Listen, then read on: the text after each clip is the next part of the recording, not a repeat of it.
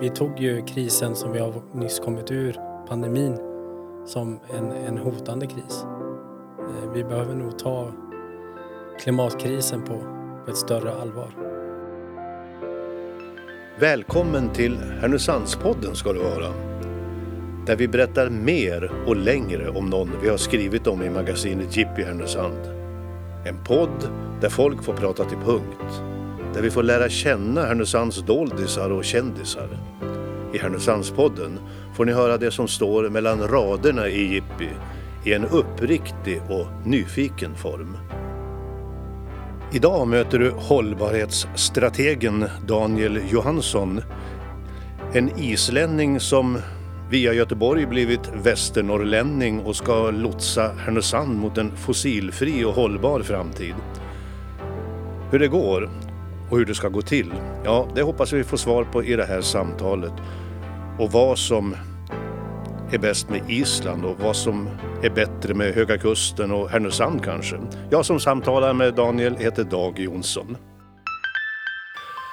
Ja, vi är mitt i juni månad 2022, Daniel. Hur ser dina sommarplaner ut?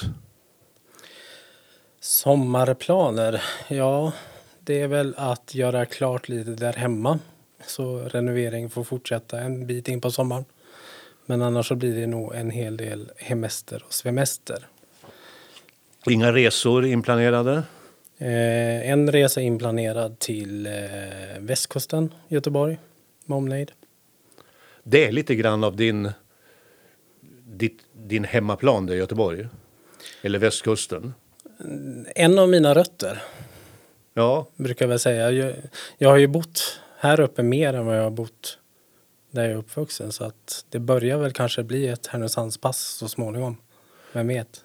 men, men, men det- du sa det själv, liksom, du har ett av Sveriges vanligaste namn, men du stavar inte riktigt som alla som stavar Johansson.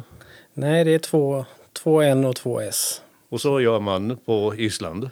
Ja, alltså det är min pappa som heter Johan och han stavar ju med två N. Och då blir det ju att jag är Johans son. Ja, svårare än så är det inte. Nej. Väcker det fortfarande uppmärksamhet?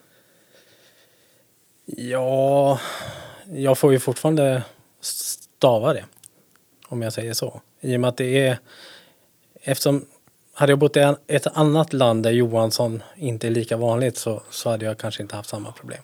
Säger det någonting om vår relation också i Norden eller till, till Island och Norge, Sverige? Att, det, att vi inte riktigt är så vana eller hur känner du att islänningarna har tagit plats här i övriga nordiska länder? Jag tror allmänt att alla har väl en positiv koppling till de flesta islänningar. Och det är många som oftast säger att de känner någon. Eller att de känner någon som känner någon. Och namnsättning utifrån det kvinnliga könet med dottir eh, är nog välkänt. Och sen har vi en historik även i Sverige att namnge på liknande sätt. Bara att det var nå- några hundra år sedan. Ja, sen är man inte så hemskt många på Island. Nej. Lite fler än i Västernorrland, men inte så hemskt många fler. Eh, lite mer i Västernorrland. Eh, lilla Göteborg kanske man kan Ja. sträcka sig till. Och det var i 300 Göteborg du växte upp. Ja, i Göteborg. Eh, Nej, jag är född i Göteborg, men jag är uppväxt i Stenungsund. Mm. Vilket är ungefär samma förhållande. Lite olustigt ändå i och med att Härnösand i relation till Sundsvall är ju 55 kilometer och det är näst på kilometern samma relation mellan Stenungsund och Göteborg.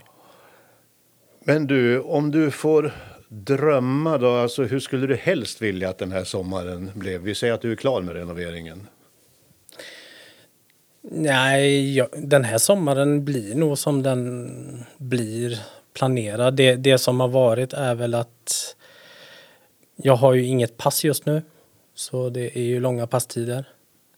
Så att jag hade väl egentligen tänkt att besöka min mamma som har varit sjuk i, i cancer. Är hon kvar på Island nu eller? Hon flyttade tillbaka för några år sedan. Så hon är bosatt i Keflavik på Island idag. Hur ser det ut nu då på passfronten? Får, har du fått några besked? Jo, jag har min tid i slutet av juni. Men sen är det ju handläggningstider och, och sånt som inte är helt säkert heller. Så att Ja, men då får vi väl först och främst hoppas att ni ska hinna ses här i alla fall under sommaren eller tidig höst. Ja, vi, vi kommer sträcka oss med Facetime fortsättningsvis. Men det som är planerat nu är att vi kommer åka över julhelgerna. Ja. Så det är väl den planerade resan vi har. Ja, det är ett lite annorlunda år 2022. Jag hörde just på nyheter om nya skogsbränder i Kalifornien och Arizona. Hur påverkas du av de här globala rapporten om klimatet som hållbarhetsstrateg?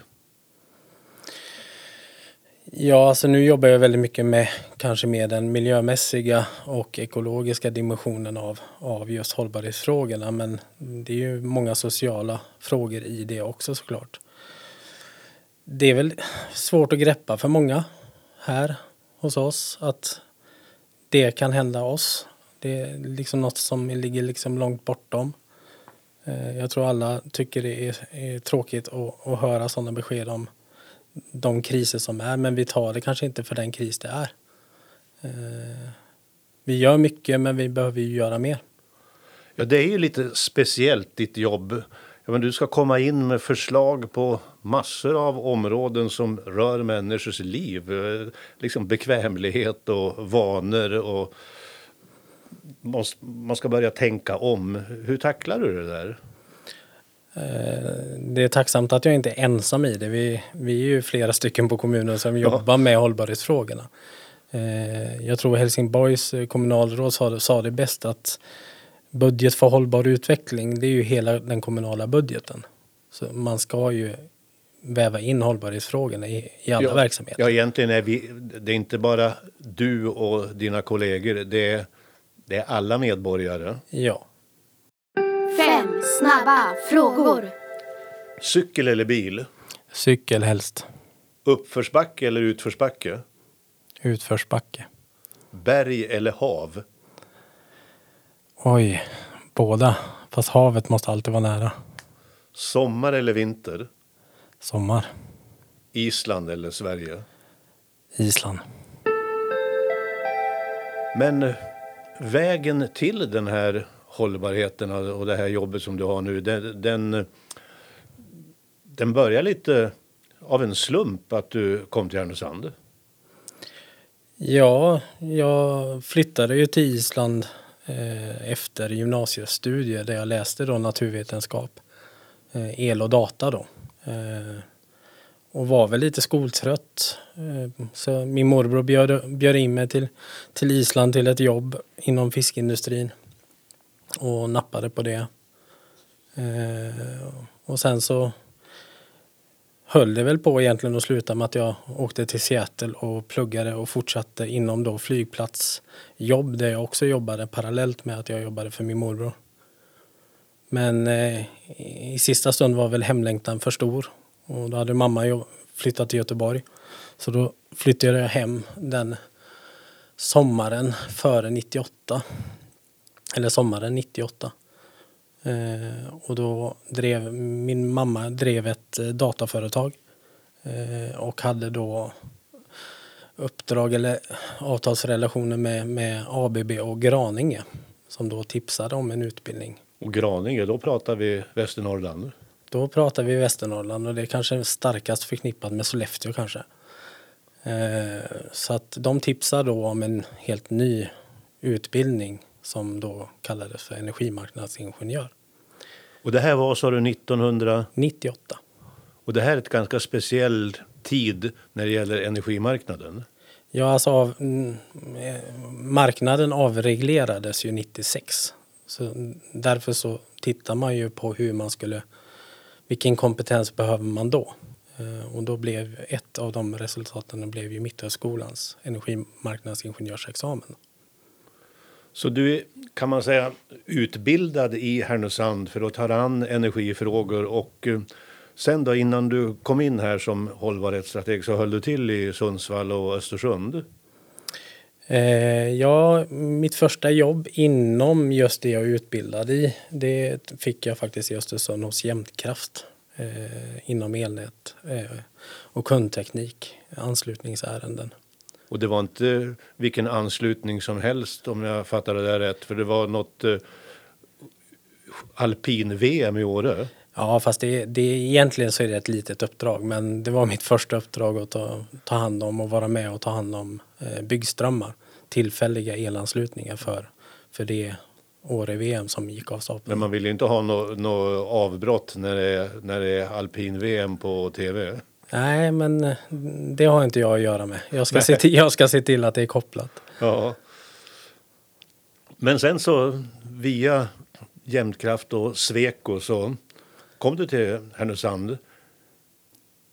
Ja, eh, jag jobbade en kort stund i Östersund och på Jämtkraft. Eh, och på den tiden så hade jag ju mitt förstfödda barn eh, och veckopendlingen eh, kan man hålla på med under en viss tid. Eh, så att jag sökte mig vidare till, till Sundsvall. Eh, och Härnösand för den delen. Men, men det jobb jag valde då var ju att jobba på Sweco eh, som konsult. Ja. Och, och det var först födda barnet och hur ser familjen ut nu då? Nu är det två barn. Och sen så kände du som sagt var att pendla, det är inte det hela. Men på Sweco så fick du nys på hela nordiska marknaden för att du berättade någonting tidigare när vi pratades vid om att du fick uppdrag tillsammans med Nordiska ministerrådet. Ja, alltså Sweco fick ju ett uppdragsteam, eller vi vann anbud, flera anbud och jag var ju med i, i olika sådana uppdrag för Nordiska ministerrådet som är lite mer studie och utredningsrelaterat. Och i och med min koppling till Island så fick jag då ansvaret för just Island som land. Eh, vilket gjorde att jag lärde mig betydligt mer facktermer på mitt eget, eller på isländska? på, ja, precis, så att det var, det var lärofullt på det sättet också. Eh, men då, egentligen, det var egentligen då hållbarhetsfrågorna eh, blev aktuella i och med att eh, inom det uppdraget så hade man ju det att sammanställa också i rapporten. Eh, så då läste jag ju på mer om Annars har jag varit väldigt tekniskt orienterad. Alltså du, du är ingenjör, elektronikingenjör eller vad ska man säga? Ja, det är elektroteknik med marknad, juridik och ekonomi. Men eh, om du då säger vad är, vad är hållbarhet för dig då? När du har breddat uppdraget från det rent tekniska. Hållbarhet för mig är ja, att vi håller oss inom de resurser vi har att förfoga över. Och då är det ju en större geografisk gräns än Sverige vi pratar om. Eh, för de rika länderna använder ju mycket fler planeter än vad, än vad de fattiga gör. Och det är oftast de fattiga som får, får, får ta del av konsekvenserna i första rummet också. Ja, vi sitter liksom ihop med varandra på en enda planet. Ja, så att eh, det är ett helhetsperspektiv. Jag brukar säga att eh, EU, det hette ju en gång i tiden gemensamma marknaden. Det hette kol och stålunionen från början. Och när man började utreda det här pratar man om råvaror och resurser. Ibland är det som att vi har glömt bort vad som finns bakom den där hållbarheten. Vad vi gräver upp och vad vi eldar upp och ja, vad vi förgör lite grann. Och samtidigt, det som gör det lite svårt är ju att man kan inte förringa den tekniska utvecklingen som faktiskt har skett. Nej. För, för det är mycket tack vare den vi använder idag för att göra saker Ja. på bättre sätt. Vad vi har kommit på nu det är hur, hur tänkte vi? För att en del av de där innovationerna var inte hållbara. Nej, men innovationen i sig har ju gett oss kunskap. Ja. Man kan ju se hur, hur länder i Afrika till exempel anammar ny teknik när de inte har fått vara med på den tekniska resan. Så blir det ganska udda innovationer om man tittar utifrån våra ögon. Men ganska intressanta ändå att ta del av. Och sen så var det väl naturliga steget den här vad heter de, institutionen för fysisk resursteori där med Carl Ennett Robert och de som sa att ingenting försvinner, allt finns kvar. Mm. Är det där någonting som vi måste repetera och lära oss igen? Jag tror vi ska kombinera det vi har lärt oss fram till idag. Eh, Men, men ändå gå tillbaka kanske till mer gammelmodiga metoder på något sätt. Och ett ord som jag tycker är ganska bra det är tillräcklighet. Tillräcklighet. Ja, vad är tillräckligt? Ja, Daniel, vad är tillräckligt? Ja, men det, det är lite det var och en av oss får göra en bedömning av. Jag tror att alla i det här rummet och alla i Härnösands rum eh, kan nog hitta något som man kanske tycker att det där kanske är lite onödigt. Och det är ju där resan kan börja för, för var och en. Det finns ju en tidning som heter Aktuell hållbarhet som gör miljörankingar utav kommuner. Mm. Härnösand ligger väldigt bra till på den här rankingen. Nu senast på tio topplistan, jag tror det var nummer åtta igen här bland mindre städer, alltså det är relationer. Ja, men bäst i länet.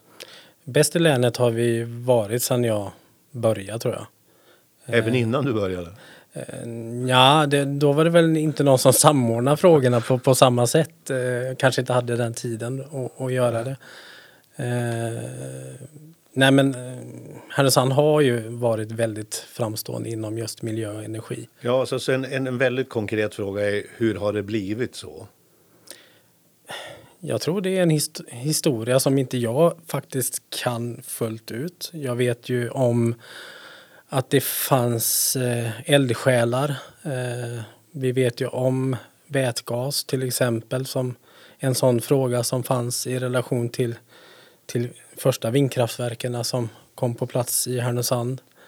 Eh, vi har ju en historia av gatubelysningen också så att energi och maskin har väl en stark tradition. Och det märkte jag ju också när jag började jobba inom just energimarknads energisektorn. Eh, det är många som har en eh, anknytning till maskin och, och sjöbefäl eh, i Härnösand så att det finns en stark sån tradition. Och känner att du har stöd sen då? Det där är ju konkreta insatser, alltså att det finns en styrning mot att det ska konkretiseras.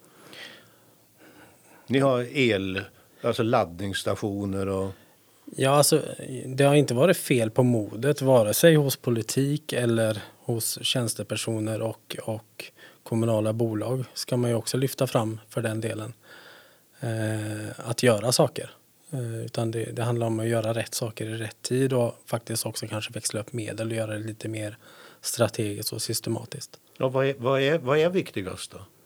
Om man ska göra rätt sak vid rätt tid? Jag tror inte någon sitter på den lösningen fullt ut. Utan man får göra det utifrån de resurser man har mm. att förfoga över. Men vad är på gång här om man säger så? Eller vad ni håller på med just nu som du känner att det här var bra? Det som är bra just nu om vi tar alltså Härnösand som storlek, alltså bara det att satsa på biogasanläggningen är ju ett väldigt starkt mod. Och nu, och nu var det ju utifrån ett lokalt kretslopp. Men nu tar ju också Härnösand ansvar för ett regionalt kretslopp. Eh, Hemab tar ju redan idag ansvar för matavfall från Sundsvall och Örnsköldsvik. Och nu är det ju nytt lagkrav så att fler, flera kommuner i länet ska ju också ansluta sig och då, då ansluter man sig till den anläggning som är byggd och den som håller på att byggas nu och tredubblas i, i Erland. Man pratar ju lite grann som du sa det här med tillräcklighet att vi är så giriga och glupska så att vi lever lite grann på kommande generationers eh, spelplan. Du lyfter fram barn och unga i det här hållbarhetsarbetet i Härnösand har jag förstått. Alltså, vad, hur viktigt är det att ha barn och ungdom med sig och ha fokus på deras eh, behov? Det är otroligt viktigt och jag tror att man kanske inte tar dem till sig och använder dem som en resurs som de faktiskt är. För de, de ser ju inte problemen på samma sätt som, som vi vuxna. Utan de ser ju möjligheten mer än vad vi gör. Och jag tror att det samtalet behövs. Och det är ju ett politiskt uppdrag där vi har en projektledare idag som har i uppdrag att kolla på hur vi kan öka, öka delaktigheten och, och, och, och så för barn och unga i Härnösands kommun. Eh, och i samband med det så fick vi ju möjligheten att, eh, att göra någonting som kallas för framtidens röster, vilket jag tyckte var väldigt... Det passade bra. Ja, och det är ju... Det är klart att är man ung så vill man se möjligheter för man vill ju liksom ha en möjlig framtid.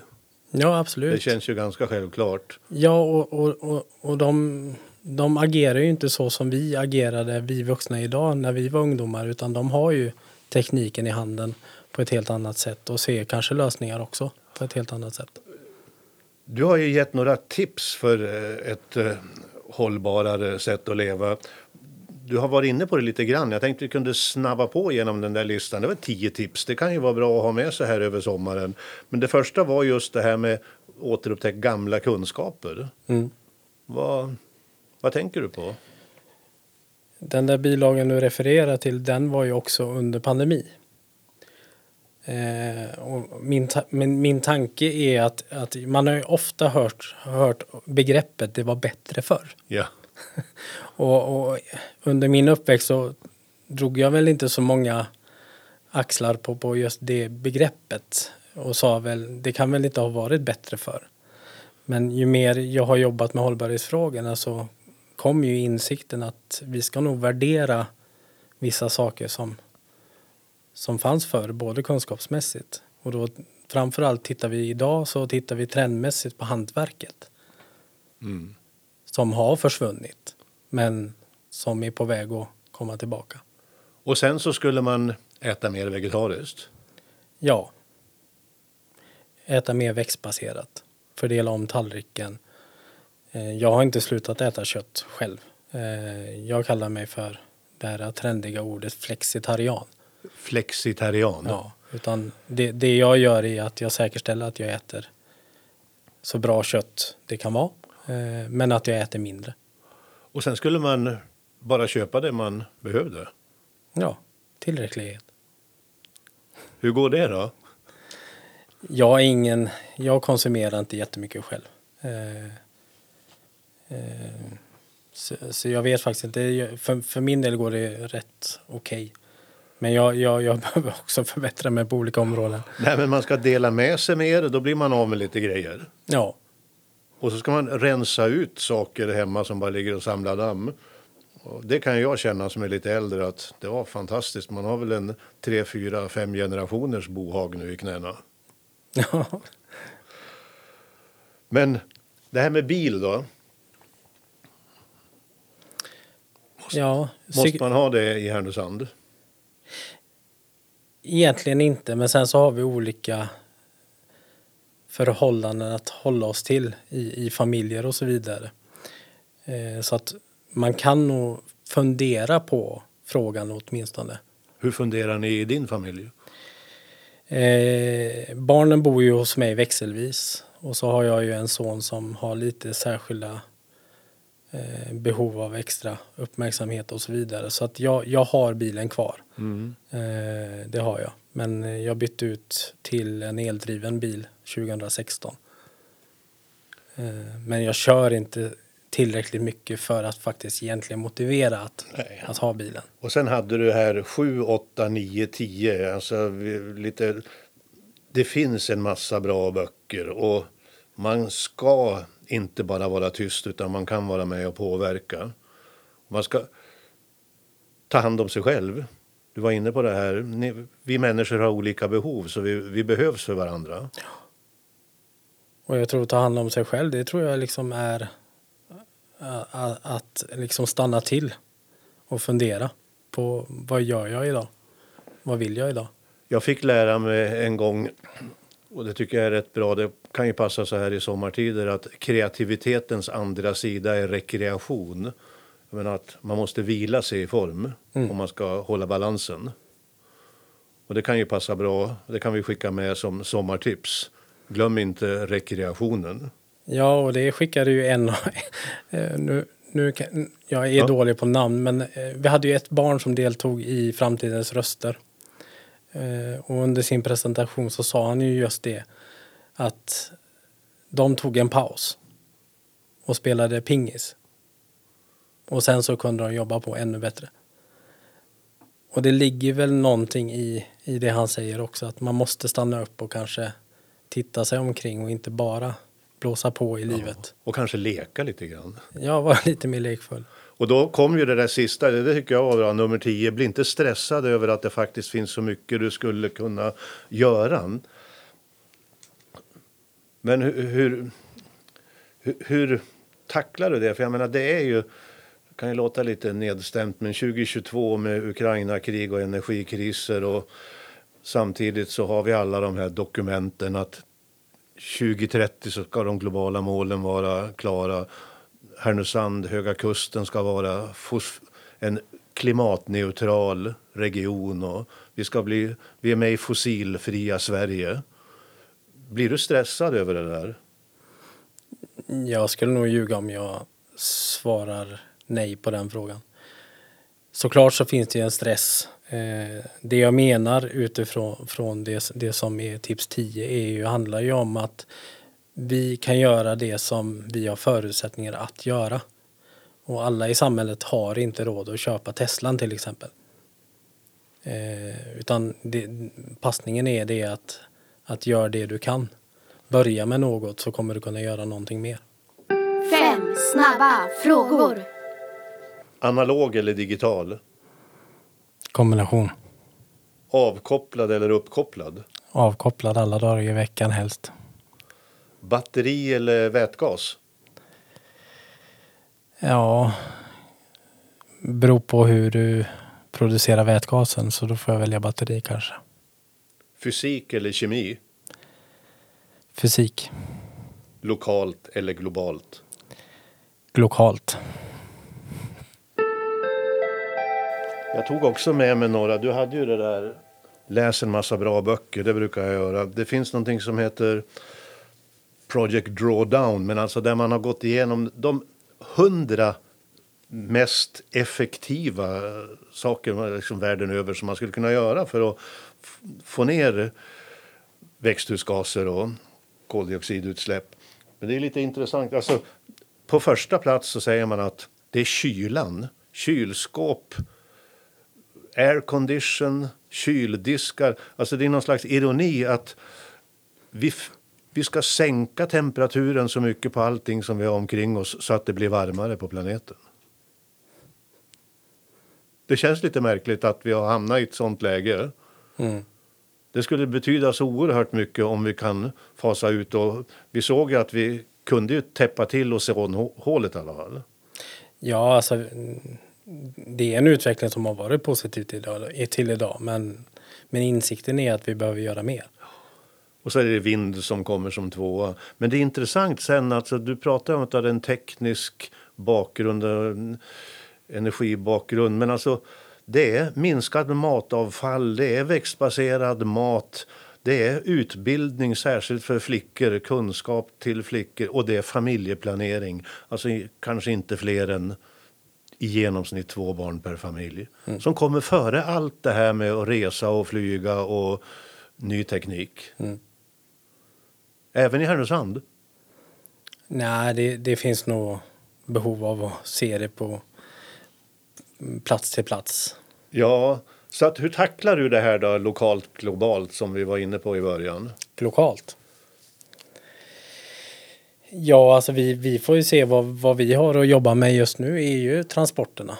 Eh, och därför så har vi också satt ett hårdare transportmål i Härnösand. Både för Härnösand som geografiskt område men också för, för kommunen som kommunkoncern och i det begreppet så är det ju både kommun, Härnösands kommun och de kommunala bolagen. Eh, och där nådde vi inte riktigt ända fram. Vi hade ju ett mål till 2021 att ha en fossiloberoende fordonspark. Är det i kommunen? Där? I, I kommunkoncernen. Ja.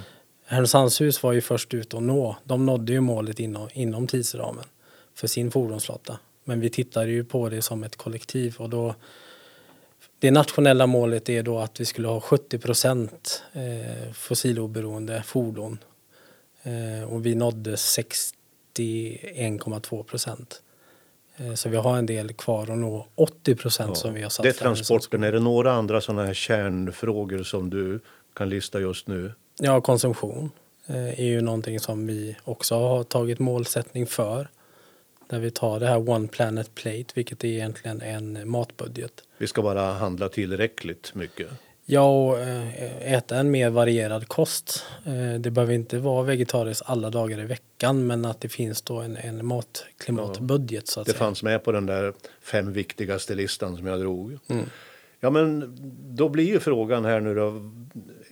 Batterifabrik i Torsboda eller klimatneutral Höga Kusten-region. Alltså var hamnar Härnösand någonstans och vad ska ni, hur kan ni bidra till det här? Härnösands kommun stöttar ju den etableringen i Torsboda. Eh, och Ja, den är viktig jobbmässigt också. Den är viktig jobbmässigt och titta, ja, tittar man historiskt sett så jag menar vi har ju minskat våra växthusgaser kan man säga till ja, i runda slänga 60 procent eh, från 1990 vilket är det sätt som man rapporterar på ett internationellt sätt. Men mycket av det handlar ju om energitransformationen övergång till fjärrvärme till exempel som en. Men en annan stor del är ju att vi faktiskt fram till 2010 förlorade industrier. Vilket vi vann växthusgaser på. Men vi förlorar ju arbetstillfällen. Så att det där är ju en balans. Ja, lät vi skogen vara helt och hållet i Västernorrland och i Jämtlands län så skulle vi till och med ha en nettoeffekt. Vi skulle bidra till mm. att minska. Så det, det, det är många val. Ja, det är många val. Det är säkerställa att du planterar fler träd än vad du tar åtminstone. Om du får vara visionär så här i slutet på det här samtalet då. Menar, du sa att man har sagt att det var bättre förr och det trodde du inte riktigt på när du var ung. Nu är du hållbarhetsstrateg och vi tänker att vi jobbar några decennier framåt. Du är visionär och tittar tillbaka. Vad var det viktigaste? En återblick, det är att vi förstod att det var en kris. Om vi pratar utifrån att vi är där vi ska vara. Och det är väl det som är den största utmaningen, att jobba med normer, värderingar, attityder. Vårt tänkande. Vårt tänkande. Vi, vi, vi, tog ju krisen som vi har nyss kommit ur, pandemin, som en, en hotande kris. Eh, vi behöver nog ta klimatkrisen på, på ett större allvar. Sen behöver inte det förändra hela ens vardag för den delen. Men någon form av uppoffring måste vi nog vara beredda att, att göra, i alla fall en omställning. Jag sa att visionärens eh, budskap är att vi klarade omställningen. Ja, sen är ju frågan vilken utsläppskurva vi hamnar på. Och vad, vad, vad tippar du? Jag tippar på kanske mellan 2,6 och 4,5. Så vi, jag vet, just nu så har jag, just nu är inte min tro att vi hamnar under tvågradersmålet. Men jag hoppas att jag har fel. Jag hoppas att vi får en, en snabb omställning på slutet. Det låter som en, ja om man drar ihop alla olika synpunkter. Det finns teknikoptimister, ekooptimister och ekomodernister och det finns alarmister. Men någonstans så ser det inte så ljust ut men att vara hållbarhetsstrateg är ändå att göra allt vad man kan vad jag förstår. Ja, alltså det som är att omställning har ju gått snabbare än vad man hade förväntat sig. Men effekterna är ju också större än vad man har förväntat sig. Så det är liksom två ytterligheter som man håller på. Och då kommer det här andra som jag också tycker vi måste lyfta ibland. Ett, ett kort och ett långt perspektiv. Vi måste våga se det här som du pratar om att det kanske och verkligen förstå, förstå innebörden. Vad skulle det innebära om vi, det vart 4,5 grader varmare? Det är 6 meter högre vattenstånd i New York och det ja. finns ju fantastiskt eh, lite läskiga scenarier. Som inte ligger 70-80 år framåt. Ja. Men, men, men jag tror att vi grejer det runt två grader. Ja, så då tycker jag att tillbaka till sommaren. Vad skulle du helst vilja göra nu då? Vad gör du helst en ledig dag? Ta det lugnt. Eh, just nu är det ju varannan, varannat barn och så det, just nu är det mycket jobb och, och, och, och familjelivet eller barnlivet, eh, föräldralivet. Eh, jag samlar mig med de vänner och bekanta jag har ibland. Och då brukar vi faktiskt åka bort och koppla bort och ha kvalitetstid Ja, jag sa det. Kan du koppla av? Hur gör du då? då? Jo, men visst kan jag det. Eh, jag har goda vänner kvar i Östersund. Jag har goda vänner kvar på västkusten. Eh, så att... eh, Och, och Island. Ja, och Island för Men det är lite hårt utan pass. Det är lite hårt utan pass. Eh, tar lite längre tid att ta sig dit då. Ja, Daniel. Du gör vad du ska göra. Viktigt både för Härnösand och världen. Jag säger tack igen och, och glad sommar. Glad sommar. Du har nu lyssnat på Härnösandspodden. Intervjun gjordes av Dag Jonsson. Ljudtekniker och producent var Martin Sundqvist på Alltid Marknadsbyrå. Musiken är gjord av Joel Nyberg på Lejonbröder. Fler avsnitt hittar du på www.harnosandspodden.se. Vem vill du lyssna på? Tipsa oss på info@harnosandspodden.se.